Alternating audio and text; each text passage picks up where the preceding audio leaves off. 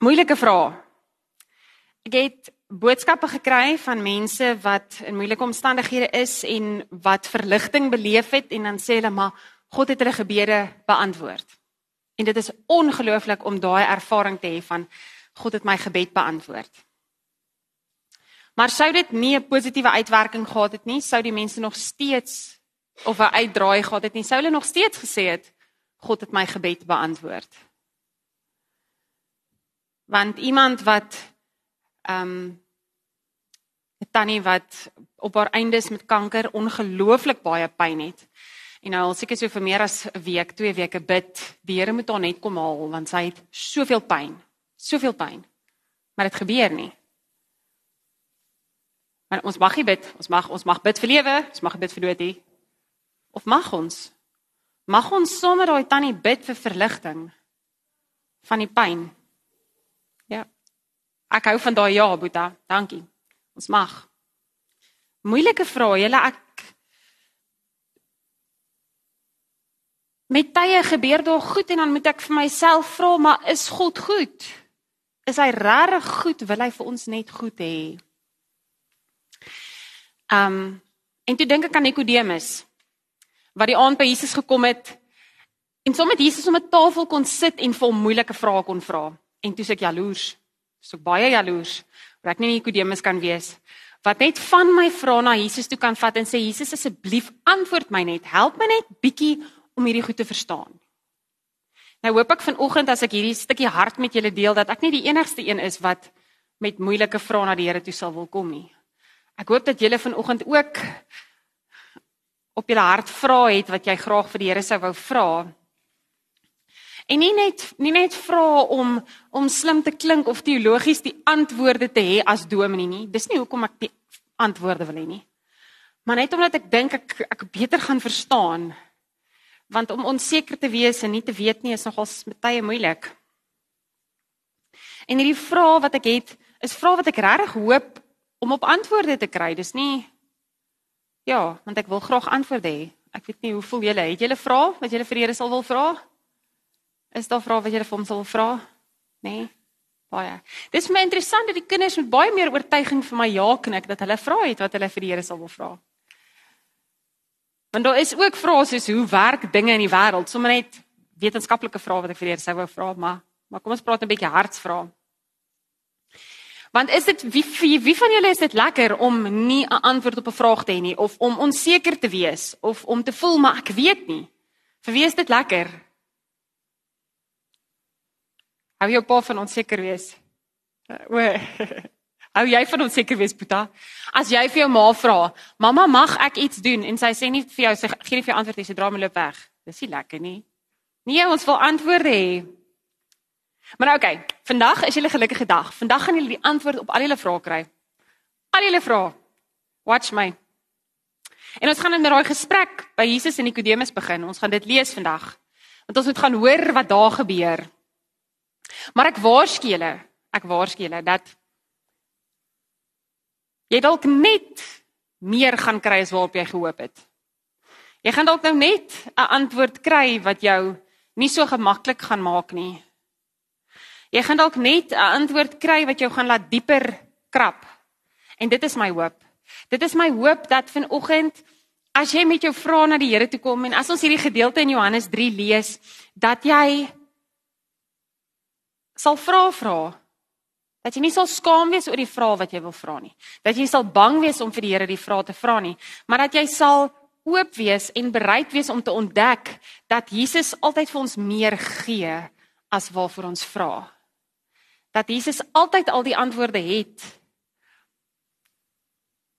Maar dat hy ons altyd uitdaag, ons uitnooi, ons om ons um, verlei om meer te vra, dieper te vra, dieper te grawe en nie net op die oppervlak te bly nie.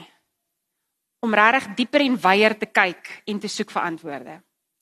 So kom ons kyk na die storie van Johannes 3. Die van julle wat het julle al the chosen, ek het al daarvan gepraat, die the chosen reeks. Het iemand al dit gekyk? Iemand nie? Doen jouself die guns en kyk the chosen reeks. Episode 7 van season 1 is waar hierdie gesprek tussen Jesus en Nikodemus plaasvind. En ek wou dit vanoggend vir julle speel, maar dit is te donker, mense kan nie sien nie. Maar dis ongelooflik daai hoe hulle dit uitbeeld. Hoe hierdie Nikodemus sit en net vir die Here sê maar maar hoe is dit moontlik? Hoe is dit moontlik dat hierdie goed kan gebeur? Maar kom ons lees Johannes 3. Daar was 'n man uit die geleerdere van die Fariseërs met die naam Nikodemus, 'n leier van die Jode. Dis belangrik daai begin want ons moet weet wie Nikodemus is, dat hy 'n slim man was. OK, vers 2. Hy het in die nag na Jesus gekom en vir hom gesê: "Rabbi, ons weet dat u 'n leer, leermeester is wat van God gekom het. Want iemand kan hierdie tekens, want niemand, sorry, kan hierdie tekens verrig wat u verrig as God nie met hom is nie." Jesus het hom geantwoord: "Amen, amen. Ek sê vir jou, as iemand nie van bo gebore word nie, kan hy die koninkryk van God nie sien nie." En dis nou hier waar Nikodemus toe vir hom sê, "Maar hoe kan 'n mens weergebore word as hy reeds oud is? Hy kan tog nie 'n tweede keer in die moeder se skoot ingaan en gebore word nie." Net gou-gou, die die woord hierso wat Jesus gebruik as hy sê van bogebore, die woord spesifiek vir die bo kan ook nuutgebore weergebore word. Dis hoekom hulle die woordspeling het van Jesus wat sê jy moet van bo gebore word en Nikodemus wat dan sê maar hoe kan 'n mens weer gebore word? Jy kan tog nie in die moeder skoot terugklim nie. Jesus antwoord: Amen, amen. Ek sê vir jou, as nie as iemand nie uit water en gees gebore word nie, kan hy die koninkryk van God nie binnegaan nie. Want wat uit die vlees gebore is, is vlees, en wat uit die gees gebore is, is gees. Moenie daaroor verbaas wees dat ek vir jou gesê het jy moet van bo gebore word nie. Die wind waai waar hy wil en jy hoor sy geluid, maar jy weet nie waarvandaan hy kom en waarheen hy gaan nie. So is elkeen wat uit die gees gebore is. Hierop vra Nikodemus hom: "Hoe kan hierdie dinge gebeur?" En Jesus het hom geantwoord: "Jy is die leermeester van Israel en jy begryp hierdie dinge nie." Amen, amen. Ek sê vir jou, ons praat oor wat ons weet en ons getuig oor wat ons gesien het en tog aanvaar julle ons getuienis nie. As ek julle van die aardse dinge vertel en julle glo nie, hoe sal julle glo as ek julle van die hemele vertel? En iemand het na die hemel opgevaar en niemand het na die hemel opgevaar nie behalwe hy wat uit die hemel neergedaal het. Dit is die seun van die mens. En net soos Moses die slang in die woestyn verhoog het, so moet die seun van die mens verhoog word sodat elkeen wat in hom glo die ewige lewe sal hê. En dan die bekende 3 vers 16. Want so lief het God die wêreld gehad dat hy sy unieke seun gegee het sodat elkeen wat in hom glo nie verlore sal gaan nie, maar die ewige lewe sal hê. God het immers nie sy seun na die wêreld gestuur om die wêreld te veroordeel nie, maar sodat die wêreld deur hom verlos kan word. Wie in hom glo word nie veroordeel nie, maar wie nie glo nie, staan reeds veroordeel omdat hy nie in die naam van die unieke seun van God geglo het nie. En dit is die oordeel. Die lig het in die wêreld gekom, maar die mense het die duisternis liefgehad bo die lig, omdat hulle dade boos was. Want elkeen wat kwaad doen, haat die lig en kom nie na die lig nie, sodat sy dade nie aan die kaak gestel kan word nie. Maar wie volgens die waarheid leef, kom na die lig, sodat sy dade bekend kan word dat hulle in God gedoen is. Dis nogals vir my ehm um, ek lag altyd vir die laaste vers so half Jesus wat Nikodemus oor sy vingers stik omdat hy in die nag na Jesus toe gekom het. Want hy het in die donker na Jesus toe gekom as Fariseer want hy was bang. Heel moontlik, daar's seker ander verduidelikings ook, maar hy was bang dat die ander Jode sien dat hy wat 'n leier van die Jode is na hierdie Jesus toe gaan. Want hy het vrae gehad. Hy het baie vrae gehad. Maar voordat ons na die antwoorde kyk, wil ek net gou vinnig met julle praat oor Nikodemus oor wie hy is en waar hy vandaan kom. Hy was 'n fariseer. Nou ons het in die Nuwe Testament redelike negatiewe konnotasie met fariseërs want dit was hulle wat op die ouende Jesus veroordeel het en laat kruisig het want ons het en die gebaar vir fariseërs is dit dis twee gesig. So fariseërs het hierdie negatiewe negatiewe konnotasie maar tog het dit uit 'n baie positiewe en edel plek gekom. En daarvoor gaan ek net gou vinnig vir julle na Joshua toe vat, Joshua 1 Maar jy hoef nie sin toe te blaai nie. Ek sal dit doen. Joshua 1 daar vanaf vers 7 tot 9 wil ek sommer net vir julle lees. Wat was die Ou Testament? Dit is nou die aanloop tot Fariseërs. Hoe het ons by die Fariseërs uitgekom? Hoe het hulle bestaan? Ons lees in Joshua 1 vers 7 tot 9 dat Jesus vir Joshua sê: "Wees net baie dapper en sterk sodat jy die hele wet van Moses, hoor hoe lê hy klem op die wet, sodat jy die hele wet van Moses my dienskneg jou beveel het, nou geset uitvoer. Moenie links of regs daarvan afwyk nie, sodat jy sukses kan behaal oral waar jy gaan." Hierdie boekrol van die wet mag nie uit jou mond verdwyn nie. Jy moet dit dag en nag mymerend prewel, sodat jy alles wat daarin geskryf is nou geset kan nakom, want dan sal jy voorspoedig wees op jou pad, dan sal jy sukses behaal. Het ek jou nie beveel wees dapper en sterk nie? Moenie paniekbevange wees nie en moet jou nie laat afskrik nie want die Here jou God is by jou oral waar jy gaan. Maar hoor julle wat sê sê hy vir Joshua, jy moet die wet ken, jy moenie links of regs daarvan afwyk nie. Volg dit presies to the letter want dit gaan jou red. Wat gebeur toe? Die volk van God word in ballingskap weggevoer, daar gebeur 'n klomp slegte goed. Die Romeinse onderdrukking in die Nuwe Testament, daar's 'n klomp slegte goed wat met God se volk gebeur. En hierdie wet het vir hulle soos 'n lewensboei geword. Want alhoewel hulle hulle self kon distinguish wat is die Afrikaanse woord? Onderskei, dankie. Onderskei van die ander mense, die ander gode was om dit te leef, om die wet uit te leef, presies uit te leef. Om teen al die ander goeders hierdie wet so gestruktureerd uit te leef dat niemand hoef te wonder wie jy is nie. Jy hulle kan op op jou sien jy's 'n Jood. En van daai het die Fariseërs gebore geword. Die ouens was moes seker maak die Jode volg hierdie wette presies uit. So hulle het geleef in hierdie struktuur. So die oorsprong was nie sleg nie.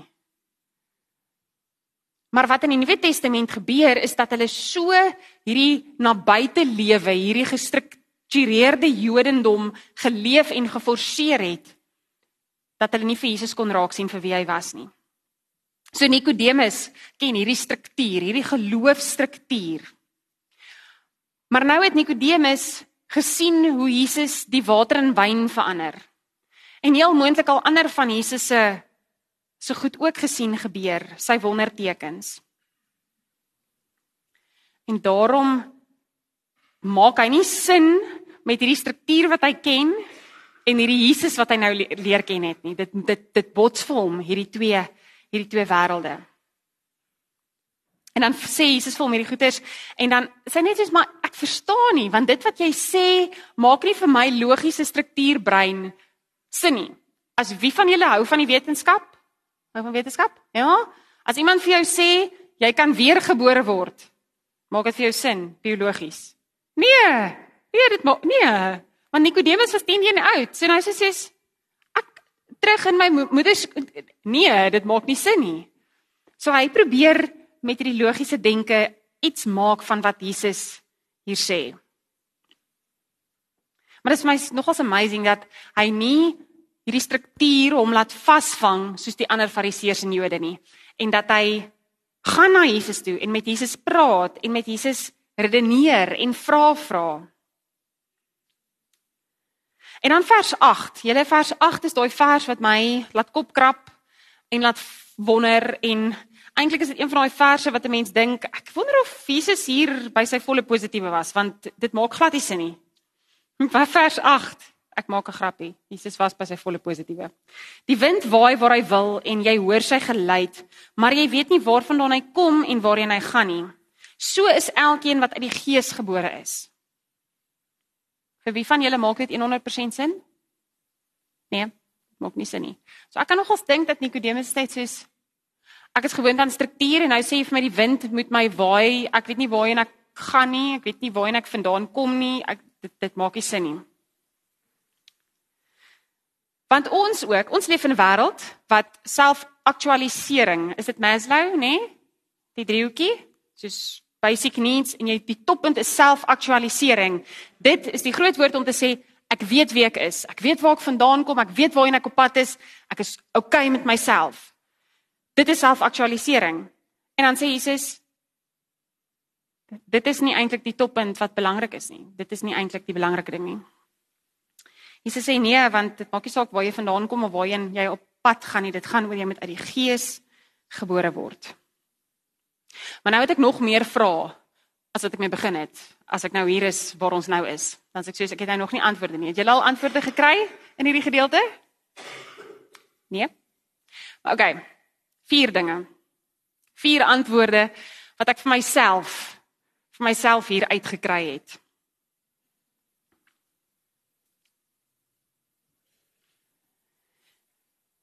Toe Jesus met Nikodemus gepraat het, as Jesus praat van 'n van bogebore, van 'n weergebore, praat hy van 'n totale verandering van wie Nikodemus is.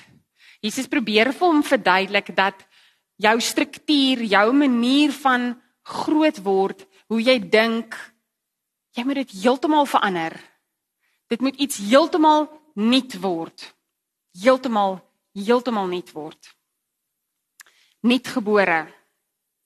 Alles hoe hy optree, alles moet verander. Nou Nikodemus verstaan dit nie. En ehm um, ek ook nie altyd nie. Maar die groot ding wat ek hier probeer sê is daai ek net gesê het ons moet wegbeweeg van die selfaktualisering dat ek is okay met myself en ons moet kom by waar 1 Petrus 5 is.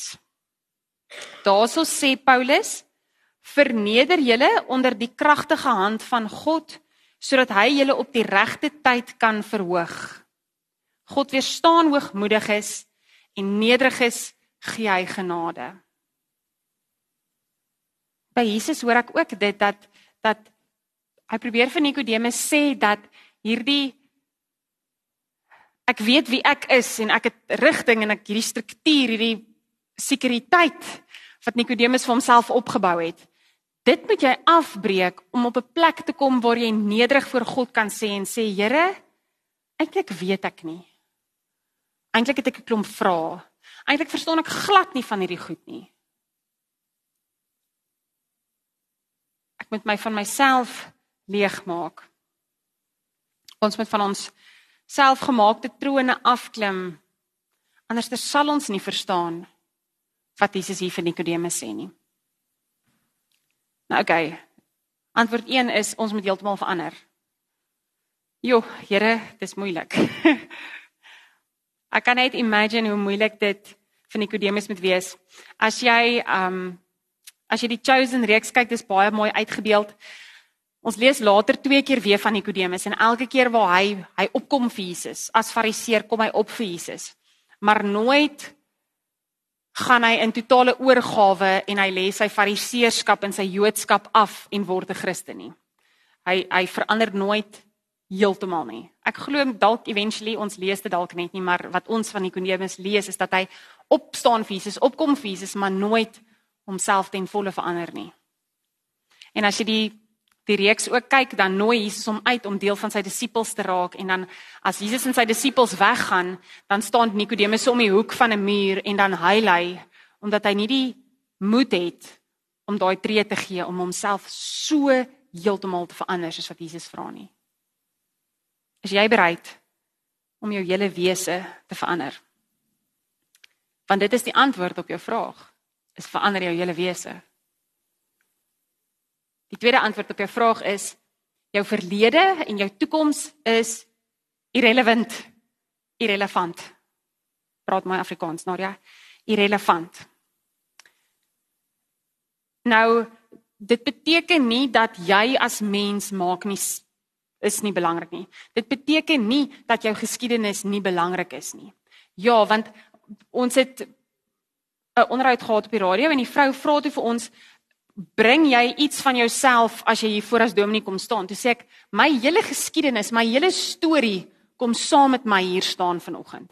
Ek is nie 'n dominee los van mamma, los van vrou wees, los van kind van my pa wees nie. Ek is my hele storie kom saam. So my geskiedenis is belangrik om te weet wie ek is vandag. Waarheen ek gaan om 'n purpose te hê, om 'n doel te hê, is belangrik vir wie ek is nou.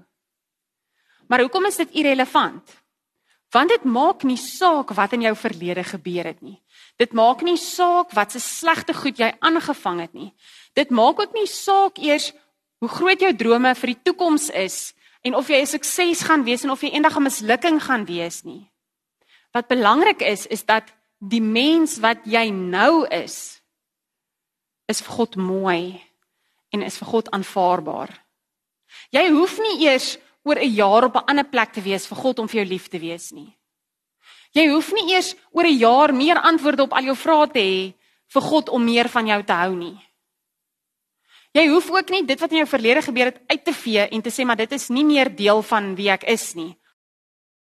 So wat ek sê is dat jou verlede en jou toekoms maak nie saak dat God nou, as jy nou 'n Nikodemus was, sou God nie vir jou gesê of Jesus nie vir jou gesê nee, sorry, jy kan nie nou om 'n tafel sit en vir my vra vra nie want jy is nou nog nie waar ek wil hê jy moet wees nie of jy het te droog gemaak in jou verlede nie. Jy is nou welkom saam met Jesus aan 'n tafel met al jou moeilike vrae net soos jy nou is. Jou verlede en jou toekoms is irrelevant. Die derde antwoord Geloof in Jesus is sentraal. Daar is 'n rede hoekom Johannes 3 vers 16 so 'n welbekende vers is. Ek dink as ek enige van julle sou vra Johannes 3 vers 16, sou jy hom op een of ander manier kon sê. Want so lief het God die wêreld gehad sodat die wat in hom glo nie verlore sal gaan nie, maar die ewige lewe sal hê. Dat hy sy enigste seun gegee het. Kom ons sit net daai ook by Nadia sê net die hele vers. Ons almal sal daai versie kan sê, maar dit is omdat dit so belangrik is dat dit is die kern.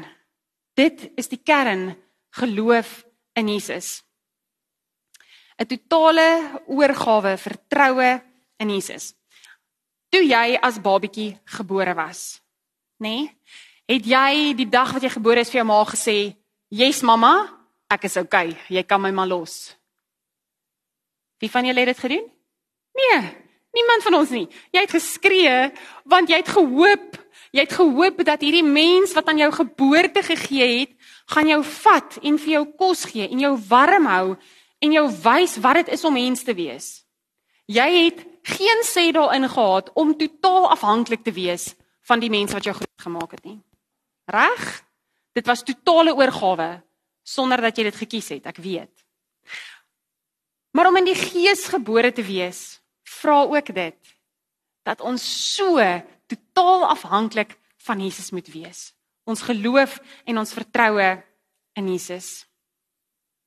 Julle en dis moeilik vir ons want ons hou nie van van afhanklik wees nie. Ons wil onafhanklik wees. Dit is tog wat die wêreld sê, jy moet jouself onafhanklik kry. Nou sê Jesus wees afhanklik van my en ek sê soos nee Here, ek is onafhanklik. Watch my. Maar Jesus sê glo glo my. Glo in my. Hou op probeer om antwoorde te soek. Hou op probeer om te verstaan as jou doel is om kennis in bymekaar te maak. Vra jou vra, maar as jou doel is om net 'n klomp kennis bymekaar te maak om 'n slimmer dominee te klink dat ek langs 'n sterfbed beter antwoorde kan gee, hou op, hou op vra vra. Maar as jy vra vra met die doel om Jesus reg beter te leer ken en in oorgawe in hom te glo, vra jou vra 100 keer oor as dit moet. Vra jou vra as dit is om hom beter te leer ken en dit bring my dan nou by daai vers 8 en by die laaste antwoord. Laat die wind toe om jou te waai waar God wil. Ek is verskriklik lief vir vleervlieg. Maar ek het al geleer dat as jy 'n vleer vlieg en jy laat die wind hom waai waar die wind hom wil, is dit 'n amazing ding. Maar die oomblik as ek wil te veel beheer oor daai vleer hê en ek trek te hard, wat gebeur? Nieuw, byk hy daar aan die grond. Né? Nee? So 'n vleer om optimaal te vlieg, moet ek hom kan los in die wind. Ek het bietjie vashou aan hom ja, Maar ek moenie probeer om daai ding so presies te beheer nie, want dan gaan hy in die grond duik. Ek moet 'n vleer toelaat om in die wind te vlieg en dit te benut die wind om hom ten volle te laat vlieg. En dit is die beste antwoord op al ons moeilike vrae. Ek weet nie. Ek weet nie, maar ek glo dat God weet. En toe ek dit skryf, toe skryf ek daar net na dit. Dit is so regte dominee antwoord om te gee. Ek weet nie maar God weet. En En ek besef dat as jy regtig battle met moeilike goed en iemand kom sê vir jou, "Ag, maar dis oukei, okay, God weet." Dan kook ek van binne, want dit help nie my situasie nie. Maar ek bedoel dit. Maar ek bedoel dit nie oppervlakkig nie. Ek bedoel regtig dat God weet.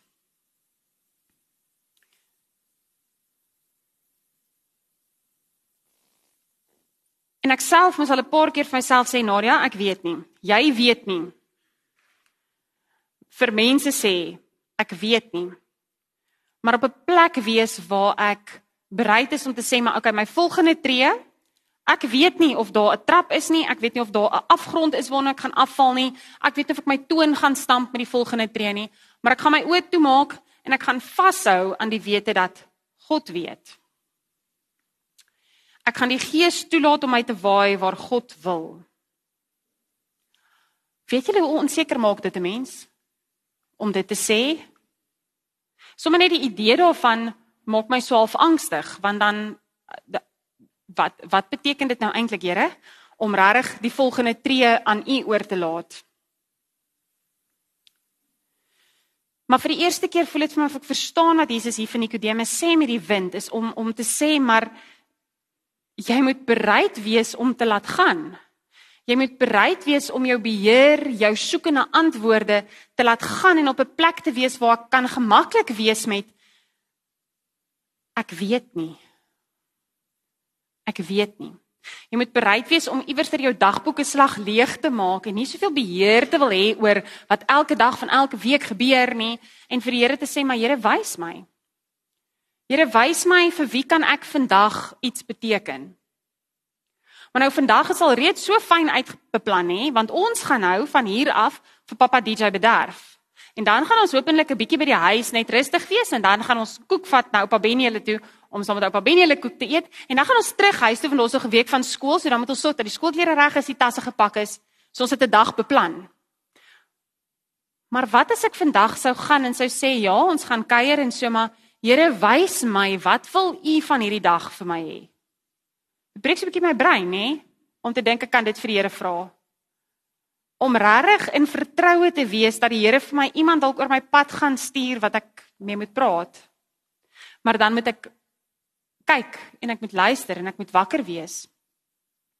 Ek het lank verlof, het ek vir julle van die begin af gesê vir 'n maand lank.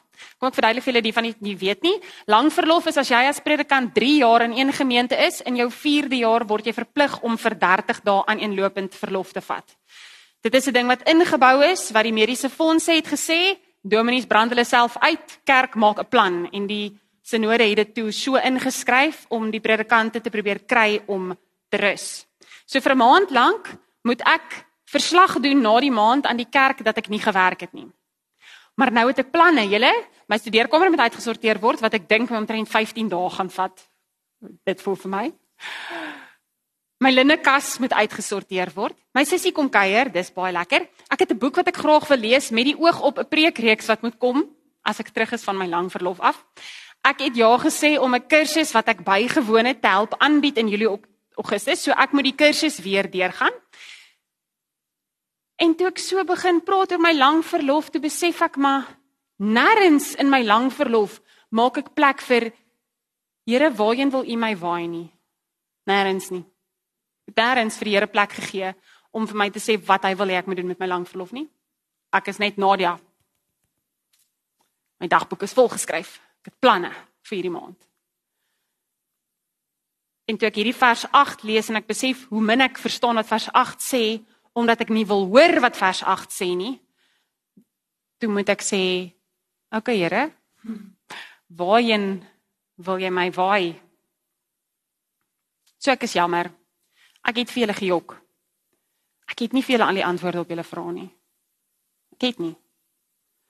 Ek het nie die antwoord op die vraag oor hoekom die Here nie net die tannie se pyn wegvat nie. Ek het nie die antwoord op al die moeilike vrae wat ons kan vra nie. Maar dis oukei. Okay. Jesus wil hê ons moet oukei okay wees daarmee om na hom toe te kom en met hom te beklei. Om na hom toe te kom en soos Nikodemus te sê maar dit wat jy nou sê maak nie vir my sin nie. Om na Jesus te kom en te huil en te sê Here, maar dit is te seer, vat dit net weg. Jesus wil hê ons moet oukei okay wees daarmee om ongemaklik te wees. En ek is ongemaklik soos ek nou hier voor julle staan want ek moes vir myself met hierdie teks sê Nadia jy is baie keer soos 'n fariseer. Baie keer soos 'n fariseer. Jy wil beheer hê oor hoe jy in die gemeente werk en wat jy in die gemeente doen en hoe jou lewe lyk. Maar as God dan vir jou sê Johannes 3 vers 8 laat die wind jou waai waar God wil, dan sê ek net soos nee Here, dit maak nie vir my sin nie. Maar dit is my gebed is dat jy in jou moeilike vrae, in jou onseker wees, sal toelaat dat God se wind jou sal waai waar hy wil. En kyk waar jy opeindig. Kyk wat 'n amazing goed laat hy jou doen. Wie kom oor jou pad wat jy dalk help wat jy nooit eers raak gesien het nie. God het sy seun na die wêreld toe gestuur. Dit staan daar, 3 vers 16, 3 vers 17. Hy het sy seun na die wêreld toe gestuur nie om ons te veroordeel nie. Nie om om 'n tafel saam met ons te sê en vir ons uit te wys wat ons alles verkeerd doen nie. Maar sodat ons gered kan word, sodat ons genade kan kry, sodat ons vry kan wees om die lig te soek. So vra jou moeilikste vrae. Vra jou moeilikste vrae. Kom vra dit vir my as jy wil. As jy voel maar jy het nie antwoorde nie, maar dan gaan ek vir jou sê maar ek het ook nie. Maar kom ons vra dit saam. Kom ons vra saam. Wees bereid om vrede te vind in die ongemak van ek weet nie. Ek wil met julle die volgende gebed deel. En dit is nou 'n gebed wat ek raak gelees het gister in my stilte tyd en ek het ek dink dit is 'n gebed wat ek vir die volgende paar weke, maybe vir my hele sabbatsverlof of my lang verlof gaan bid. So sit so en dan bid ons dit. Grant me, O Lord, to know that which ought to be known, to love that which ought to be loved, to praise that which pleases thee most. Suffer me not to judge according to the sight of the bodily eyes, nor to give sentence according to the hearing of the ears of ignorant men, but to discern in true judgment between visible and spiritual things, and above all things to be ever seeking after the will of thy good pleasure. Here leer my om te weet wat ek moet weet. En ek wil in dieselfde asem sê Here leer my om vrede te maak met dit wat ek nie moet weet nie. Here wys my wat ek moet lief hê, wat moet lief gehê word. Vir wie? Here, wie moet ek lief hê? Wys my dit ook. Vir wie moet ek liefde wys?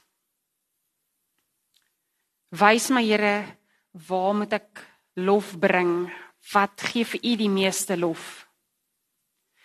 Leer my Here op 'n harde manier om nie te oordeel met wat ek sien of wat ek hoor nie. Om nie mense te veroordeel op wat ek sien en hoor nie maar om te onderskei waaroor dit regtig gaan. Soos wat Eve Nikodemus gesê het, Here, goed wat uit die vlees gebore is, is vlees. Dinge wat uit die gees gebore is, is gees, Here. Wys my wat is vlees en wat is gees. En bo dit als, Here, wys my wys my waarheen U my wil waai. Dit is ons gebed vanoggend, Here, wys ons waarheen U ons wil waai. Amen.